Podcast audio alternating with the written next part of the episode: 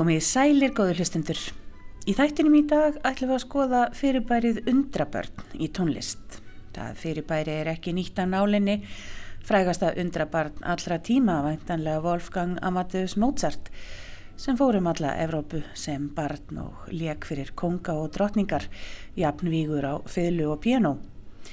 En í dag er YouTube full af myndböndum af kornungum börnum sem leika á hljóðfari og undrabörn eru vinsæli í spjallþáttum þar sem áhörundur gapa af undrun og fagna gríðarlega eins og heyra má til dæmis hér. Ladies and gentlemen, please welcome six-year-old Anki.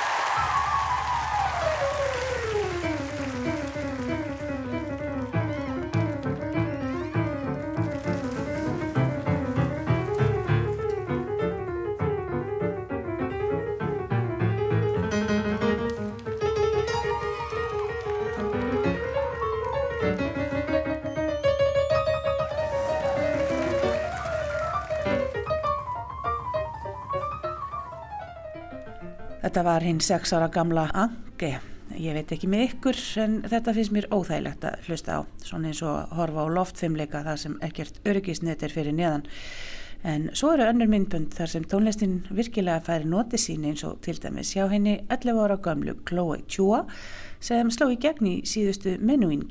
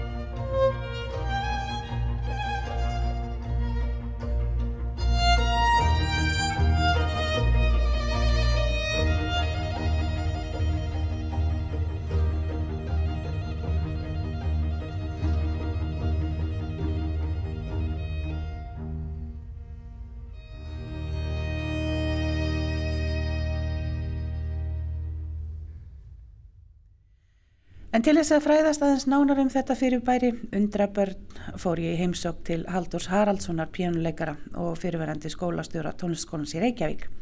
Og ég spurði hann fyrst að því hvort vísindamenn hefðu einhverja kenningar á reyðum höndum. Sjálfsögðu hafa þeir það.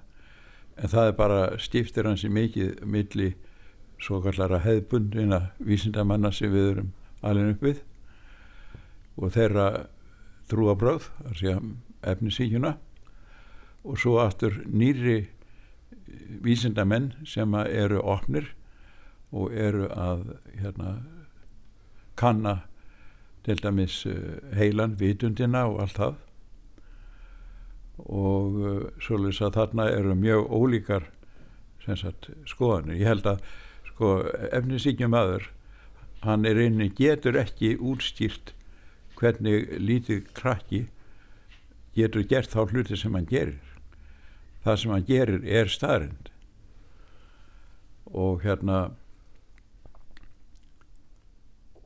og hvaða tegur sem hann kemur með heilin er ekki hæfur að hafa áorkað öllu þessu sem að uh, svona undrabarn getur gert. Þarna er ég ekki að tala bara um píjánuleikara eða tónlistamenn það er líka hljóðans í starfræði að uh, það, það er það er eh, svona nokkur ár síðan að indöðstúlka Sjakuntala Devi dó á Índlandi og hún, hún listi alveg flóknustu hérna, dæmi í starfræði á, á stittri tíma en tölvunar Myna, hvernig getur þú úrstýrt svona? Þarna er sko uh, þarna kemur margt til sko.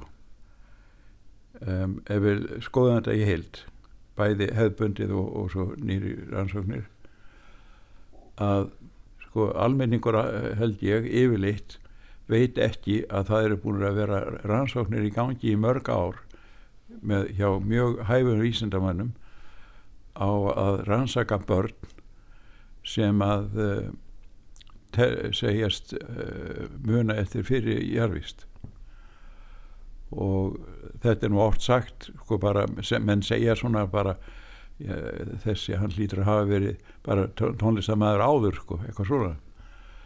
Og hérna þá er spurningin og ef þú ferðir hann á neti í dag þá getur þú farið inn á síður það sem eru svona hefðbunnar skýringar sem að geta ekki skýrt allt. Og svo aftur eru hérna dæmi, það eru fullt að síðum um er endur hólkum mannsins er hún uh, grunnur að því að að, að, að undrabarn ha, hafi svona minni sko. En ég held að uh, þetta skýrir ekki samt allt sko. Sömur benda bara á Asperger syndrom sko það, það er ekki hægt að segja það, það við alla sko. Það er vitað með Glenn Gould að hann var hann hafði Asperger syndrom sem gerir hann óvinnulega hæfilega ríkan sko en hann átti aldrei erfitt í samsýttu við fólk til dæmis. Og, og það eru til fleiri slíkir en, en mörgaður sem undrabörn þeir voru í mjög góðum samsýttu við, við aðra og, og hafa ekki þessi einkenni sem eru Asperger. Það er, það er ekki stýring á, á þessu sko. Það er annars er, eru til undrabarn sem eru, eru hérna, þau hafa verið svo, uh, svo mikið dugnaður í þeim, þau eru, eru bráðvelgefin og þau eru mjög, þau eru mjög hérna, uh, eða læra mjög hratt sko. Ef við tökum til dæmis Rúðslensinsku sem er með frægustu undrabörnum á okkar tímum, hún er enn á lífi, ég við, hún hefur komið hingað og ég fæ jólakort frá henni alltaf á hverju ári og, og ég sendi henni að hún hefur sagt frá því sko, sérstaklega í bókinni Forbidden Childhood að hennar aðstæða er að pappennar hann var svo skipulaður í sinni grimd hvernig hann ólana upp. Og hún segir að það er sétt að taka hvaða, hvaða barn sem er og með svona grimmum aðferðum eins og hann beitti við hanna að þá uh, geti undarlegur sem hlutir komið. Og hérna en ég held að þetta sé nú ekki alveg rétt sko því hún verður að hafa einhverja hæfileika fyrir annars er ekki hægt að þjálfana þannig sko. Þegar að hún er sko byrja, hann byrjar að, að, að hérna kenninni klukkan 6 að morgni þegar hún var 30 ára. Og hann kendinni til klukkan 12 svo var smá hlið svo kendanni þetta voru þrý tímar. Og svo kendan frá tvö eitthvað svona áfram í sex tíma. Þetta voru nýju tímar dag svona keldan áfram að kenninni og hann kendi henni tónstega og hann kendi henni einfalda kannski laglínu. Og hann leta hana endur takana í hinnum ímsu tóntegundum þannig að hvað sem er sem að hún læriði að spila fyrst einfalt og svo smá saman uh, flóknara það gæti hún, hún gæti transponera því í hvaða tóntegum sem er svo leiðis að hún var ekki trætt við tónbólið hún þekkt, gjörð þekkti það. Og, og svona voru aðferðir hans voru afskaplega hvað að segja, raukvastar og, og, og það er virkuður sko vel. En ef hún, ef hún hérna gerði ekki rétt í eitthvað slíkt þá, þá uh, var honum að mæta hann kom bara og hann landa hann sko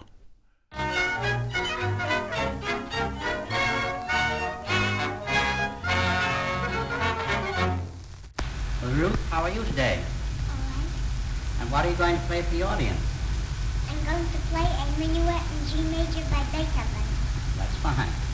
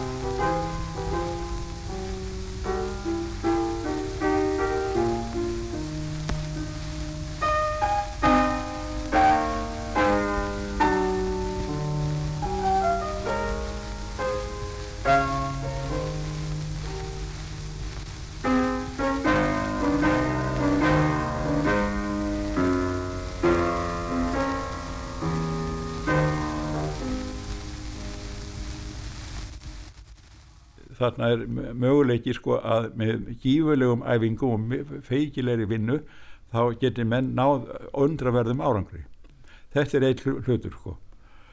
Um, svo er aftur hinn segja, ef við tökum Mozart að ég bara, nú tekið dæmi bara sem ég þekki beint sjálfur að við fjölskyldum vorum að ferða einu sinni í Salzburg og við fórum upp á hæðina þarna sem að Mozart fjölskyldan bjó og þarna var, voru krakkarnir okkar Katie og Hákon. Hákon var þá uh, hann var nýjórðin sex ára. Hann var, hann var uh, já, bara nokkrum dögum sko.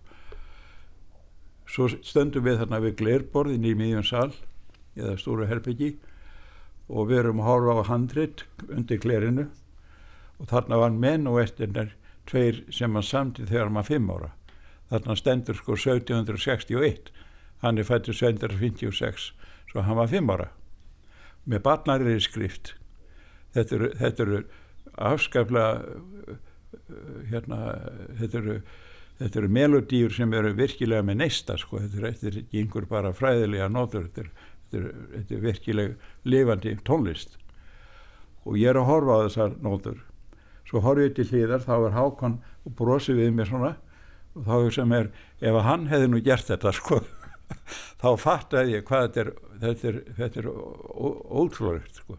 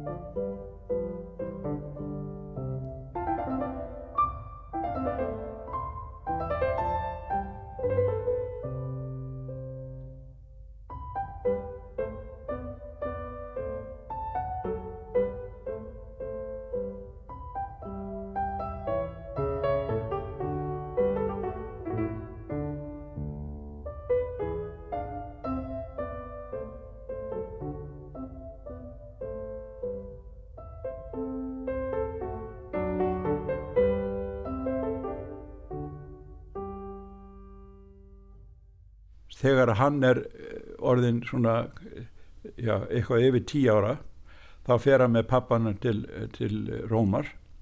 Hérna kemur öðruvísi dæmi. Um, og þeir eru báðinir af Vatikaninu í sístínsku kapitlina og þar var búið að uh, planleggja að leggja fyrir hann þrautir. Og hann heyrir þarna kórverk sem að heyrðist aldrei út fyrir veggi sístínsku kapitlinar það þekkt engin þetta verk. Og það var eitthvað tónskáld sem hétt Allegri og heiti Miserere. Ég fór að skoða þetta betur. Miserere sem er upp á hvað 14 mínútur það er fyrir tvo litla kóra. Annar kórin er fimmrataður og hinn er fjórrataður þarna situr Mozart með föðu sínum og þetta, þetta kórverk er flutt þarna fyrir þá. Svo er hann leitur inn í annað herbyggi þar sem eru nótnar blöð og, og hérna, skriffæri og, og hann er lokaður af. Hann skrifaði allt verkið upp hverja einistu rödd. Sko þetta gerir engin vennilegu maður. Þarna er sko ekki bara áunin sko með dugnaði þetta er einhver, einhver, einhver gáfa sem við, get, við, við skiljum þetta ekki bara. Hvað varðum slesinsku? Sko slesinska hún uh, hún alltaf fórum allan heim og hún var hún var sko dáðum allan heim sérstaklega á, á áratögnum 30-40 þá er hún í hópi verður svona í hópi fjögura þekktustu og hæst launustu píjónleikar í heiminum.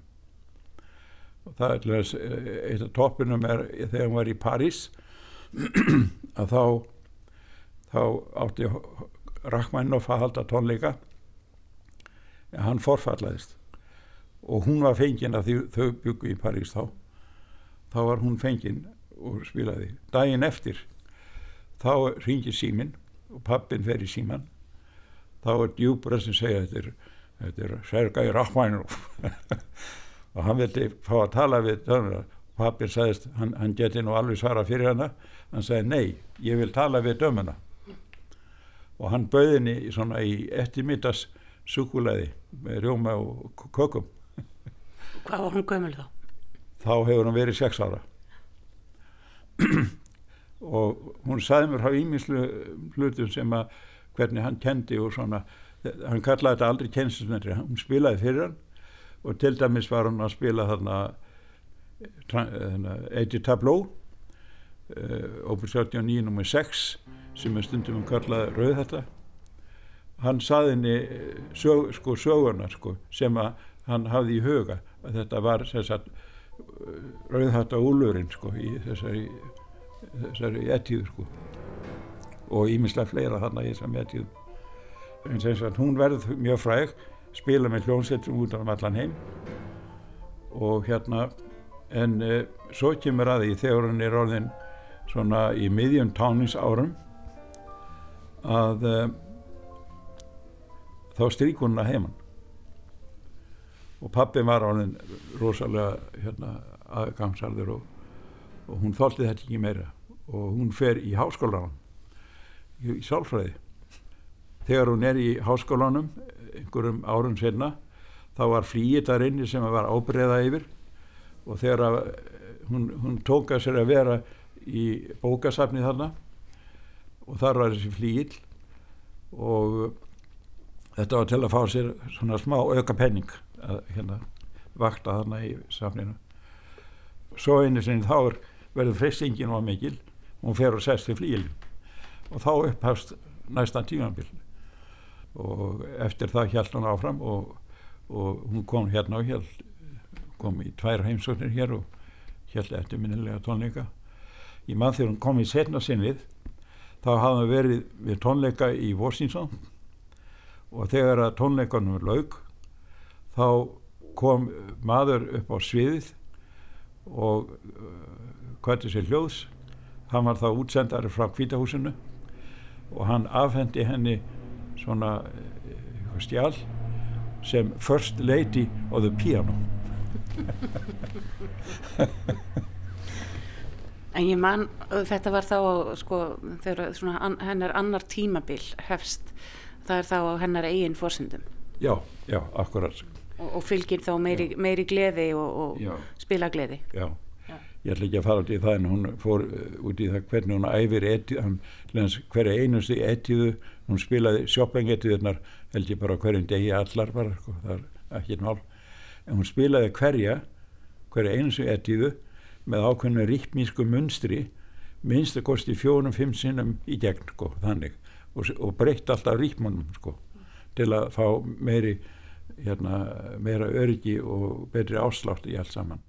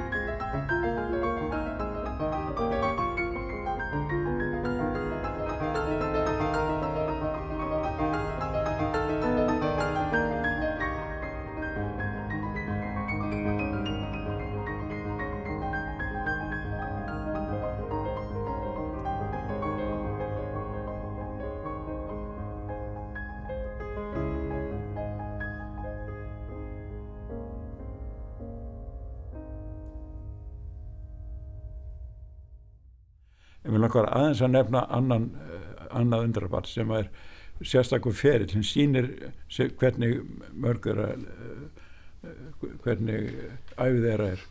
Vegna þess að táningsárum eða setni hlut á táningsára þá lenda undrabörn oft í krísu. Og smán saman þá eins og undrið bara smán saman fari. Og þe- þetta þetta er mjög sálrænt líka sko og hérna það, ég á hérna við Kláti og Ará sko þegar að hann er bara smá krakki, fadir hans hann dó þegar hann var eins ás og þegar að hérna eh, hann er bara eh, já, 23 ára eitthvað svo list þá var hann fyrir að fara í píanóið og hann er að gera alls konar lög sem hann getur spilað út og svo kemur hann, sko leikirnir voru þannig að hann kemur kannski hlaupandi að mamma minni og nöðar við hnýðan á henni segir, hérna mamma viltu koma? Ég ætla að sína hvernig ég breytti þessari pillutíu úr setur yfir í físur eitthvað svona sko. Þá var hann að transponera lögum svona lítið barn sko.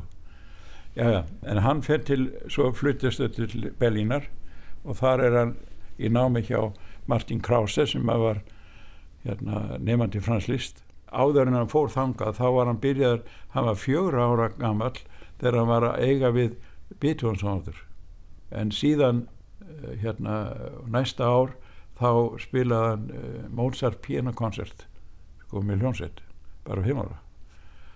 Svo fer hann til Krause og þegar hann er hjá honum að þegar hann er 11 ára þá spilaði hann allar transcendental letíður Frans Liszt Brahms Paganini tilbyrðin og næstu árum þá spilaði hann allar Mozart-sónutunar og það er næst allar Beethoven-sónutunar og Schubert og framvegis.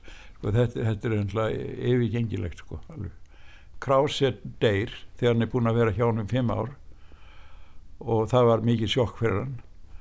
Og þá lendir hann í krísu og uh, mér stílst þetta í lesi eina æfjarsjóðans að það var þarna heimsbyggingur sem heitir Abrahamsen. Hann, uh, hann eiginlega bjarga honum.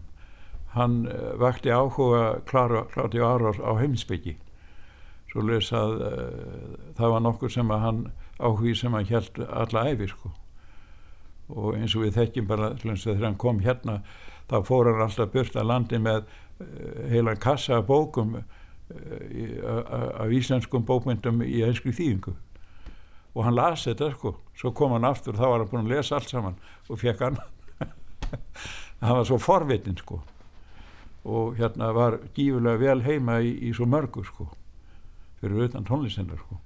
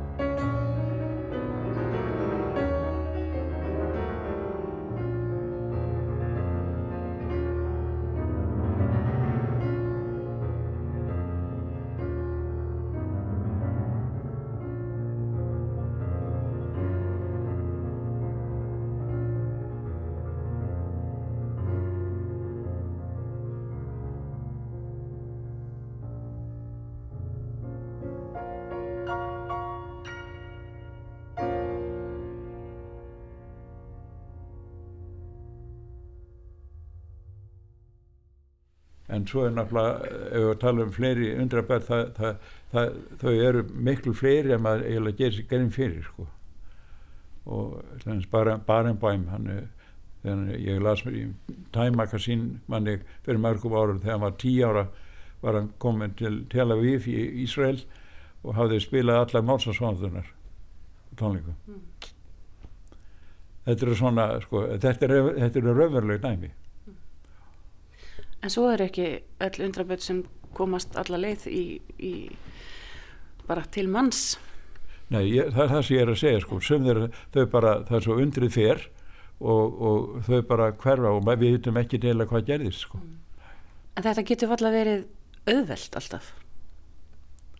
Nei, það, það, það, er, það er það ekki það er, mjög misjant hvernig hlutin er útvila sko að hérna hvernig þau, þetta, þetta, er, þetta er mestuleiti sálrand sko hvernig sem að það er erfið heila setja sig í spór svona fólks. Og hérna við bara lesum þetta í, í bókum og um þau en, en við vitum ekki rauninni sko heila hvað, hvað var í gangi sko. Það er mjög erfitt að segja. En senst að mér, mér stýringar á sko þessum fyrirbæri að ég held að það er ekki til einn ein stýring sko það er e, sko ef það er endurhölgun sko þá stýrir hún ekki allt sko það það er sko líka þessi fluggáur sko sem að koma þarna til líka mm. nú svo er annað sem vísindamenn hafa verið að stúdira undanferðin ár að það var indveskur hérna maður, hundi Gópi Krishna sem hafði stundar huglust í mörg ár og hann varð fyrir feikilegri sem kallaði kundalíni reynslu. Við lesum í blöðum um að fólk sé að kundalíni er námskeið hérna, það, þetta er ekkit kundalíni, þetta er bara þetta er prana, það sé að lífsorku. Kundalíni er miklu miklu sterkara og stærra en það. Hann varð fyrir slíkri reynslu. Og eftir nokkrum dögum setna þá er hann að ganga yfir einhverja brú og þá allt í henni bara veitan að hann kann miðalda persni sko. Þetta er maður á Índlandi sko. Og hann fór að semja eða segja hann fór að yrkja hvæði á miðalda persni sko, sko þarna, þarna er eitthvað sem gerist inn í manninum og það opnast fyrir hæfileika. Og ég veit að það hafi verið þýst í vísindamenn sem hefur verið að stúdera hann, stúdera hann og þeir, þeim dettur í huga Mozart sko þessi, þessi hérna gáfa Mozart uh, þegar hann var að semja að það sé eitthvað svona sem að við, uh, hérna, sem að hugsanlega kveknar inn í manninu sko.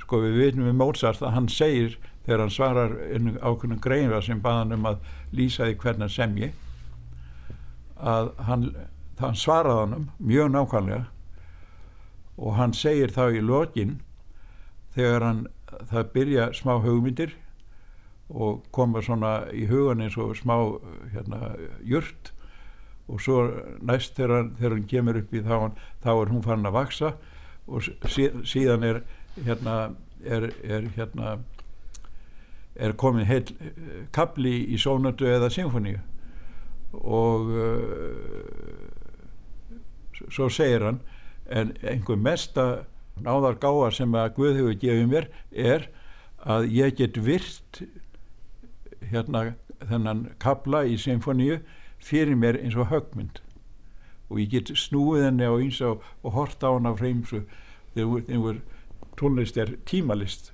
atbyrðir hver og eftir öðrum. En þarna sér hann allt samtímis bara í, í núinu sko þetta er, það, þetta er nokkuð sem að sem að er, er, er hérna mjög forðinlegt og enginn engin hefur skýringur á því en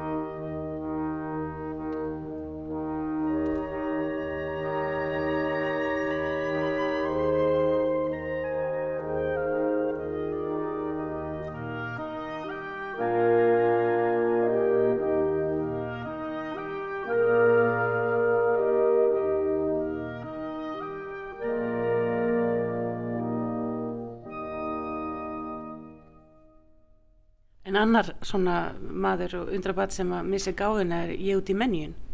Já, jú, jú.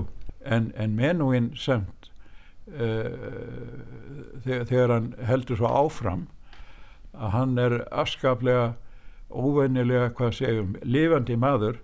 Hann hafði þessa forvitni og uh, áhuga á svo mörgu.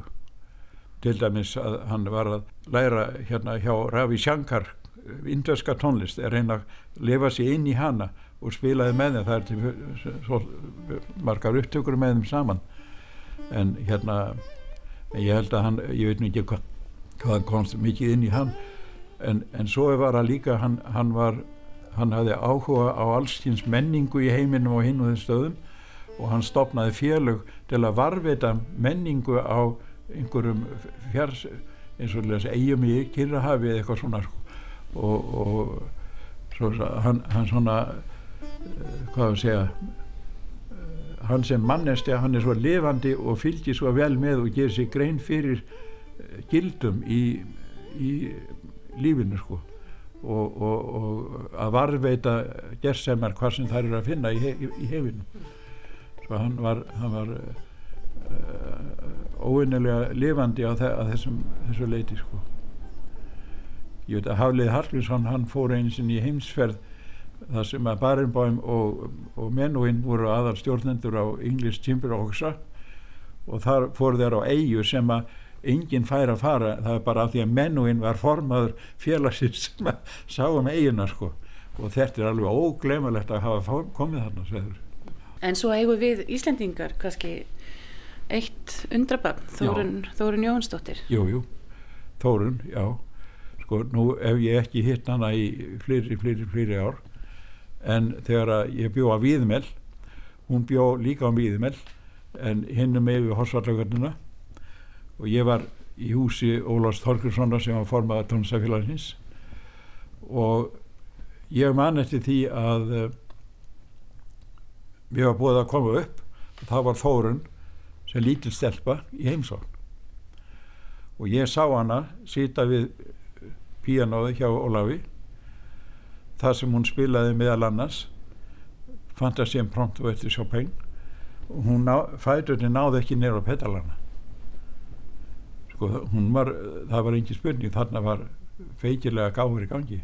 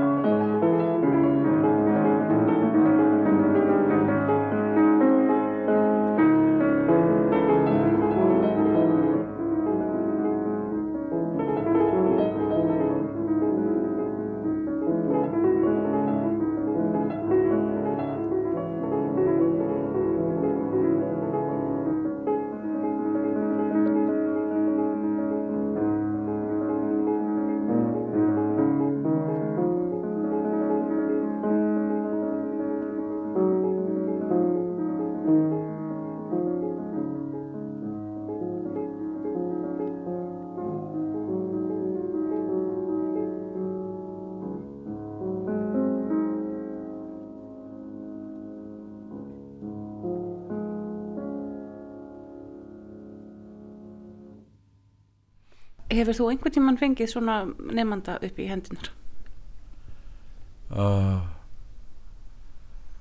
nei, ég held ég ég, ég fengið örfáa nefndur sem eru óvinnulega gáfaður sko, en, en ekki, ekki sem barn sko. ég hef aldrei ég hef aldrei kynst barni sem undrabarni svona beint sko þau eru orðin eldri því að ég kynist þeim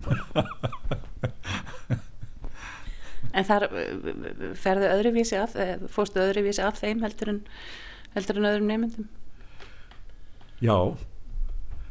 Sérstaklega því leti sko þeir sko þannig eh, talent þau, þau, þau eru svo þeir hugsa svo hratt og þeir skilja svo hratt.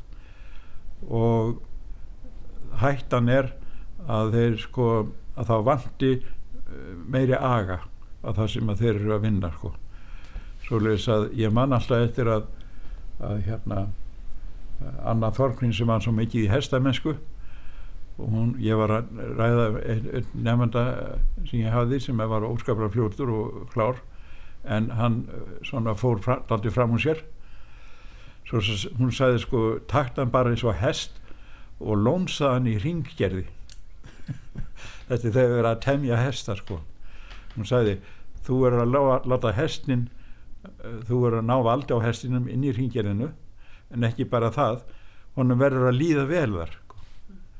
og ég lónsaði nefndann í ringgerði á minn hátt og það hafði mjög góðan að, að, góðar afleðingar sko. svo það er, ég mæli með því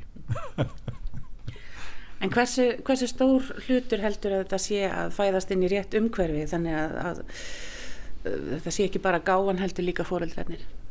Já, auðvitað, það er aftur sagt sko eh, að Beethoven hefði líklega orðið mjög góður svona slagarsmaður inn í virkuðum Afríku sko trömbuslagari þetta er bara hvar, hvar svona eh, talent lenda sko. Svo það er náttúrulega eh, mjög það, en sko ef við tökum dæmis kísin, hann er komið hérna. Ég tók að náttúrulega í hendinunum og rættið hann smávegis að ég séð myndband þar sem hann segir frá því þegar hann var innan við eins árs. Þá var hann bara eh, í náttfjöldunum í rímla rúminu, barnarúminu en sýstir hans var að spila á píano ekki langt frá sem hún var eldri. Hún var að æfa fúku eftir bak og eftir smástund þá heyrir hún að bróður hennar er að, er að söngla eitthvað svo hún fer að hlusta eftir því hvað hann er að, hann er að syngja. Hann var ekki að syngja aðal melodíuna í fúkunni hann var að syngja millirödd. Svona ungur. Svo náttúrulega eins og við veitum hann var, sko, hann var 12 ára þegar hann spila báða sjópum bíana koncertana á ofinbjörn tónleikum. Og það er til á upptökum. Ég, við, við eigum þetta hérna örgulega Hann gerir eina vitleysu í síðasta aukalæginu og maður einhvern veginn, hann ítir á tvær nótur í einu og maður verður svo, maður verður svo gladur já, já, já, já, það leikur við. Að það sé, það sé mennska. já, já. þetta er eins og þegar menn segja að Einstein hafi fallið á starfshæðprófi en það er bara ekki rétt. Það, það, er, það er tilbúin saga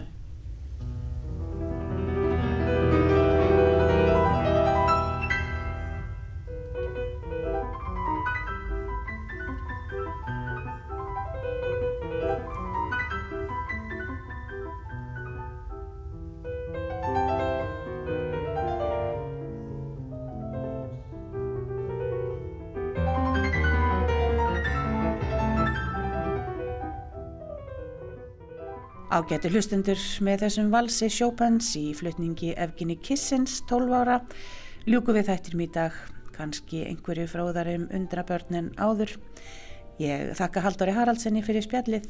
Þanga til næst hafið það sem allra best verið sæl.